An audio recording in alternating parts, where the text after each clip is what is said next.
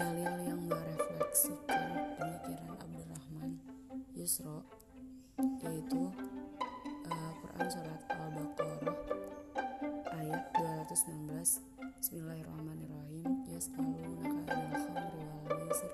Kul fihima ifmun kabir wa manafi'u linnas Wa ifmuhuma akbaru min naf'ihima. Wa ma la yunfikun Kulil afu kadhalika yubayinu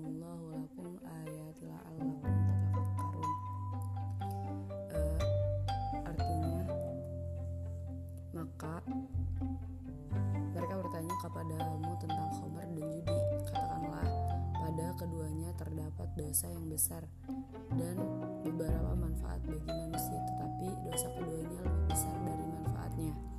Dan mereka bertanya kepada kamu apa yang mereka nafkahkan. Katakanlah yang lebih dari keperluan. Demikian Allah menerangkan ayat-ayatnya